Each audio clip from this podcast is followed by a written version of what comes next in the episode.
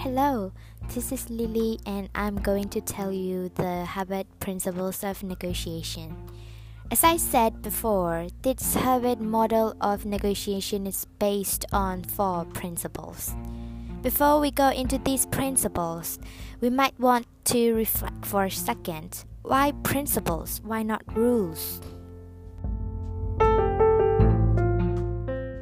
Lily again.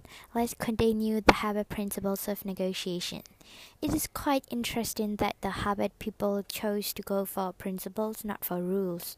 Because if you have rules like in laws, chances are very high that this is too linear and too strict, and that people simple think if they learn these kind of rules, everything will be fine. Whereas if you have principles, it is much more organic, it is much more wider because you have lots of ways how to fulfill these those principles. Thank you.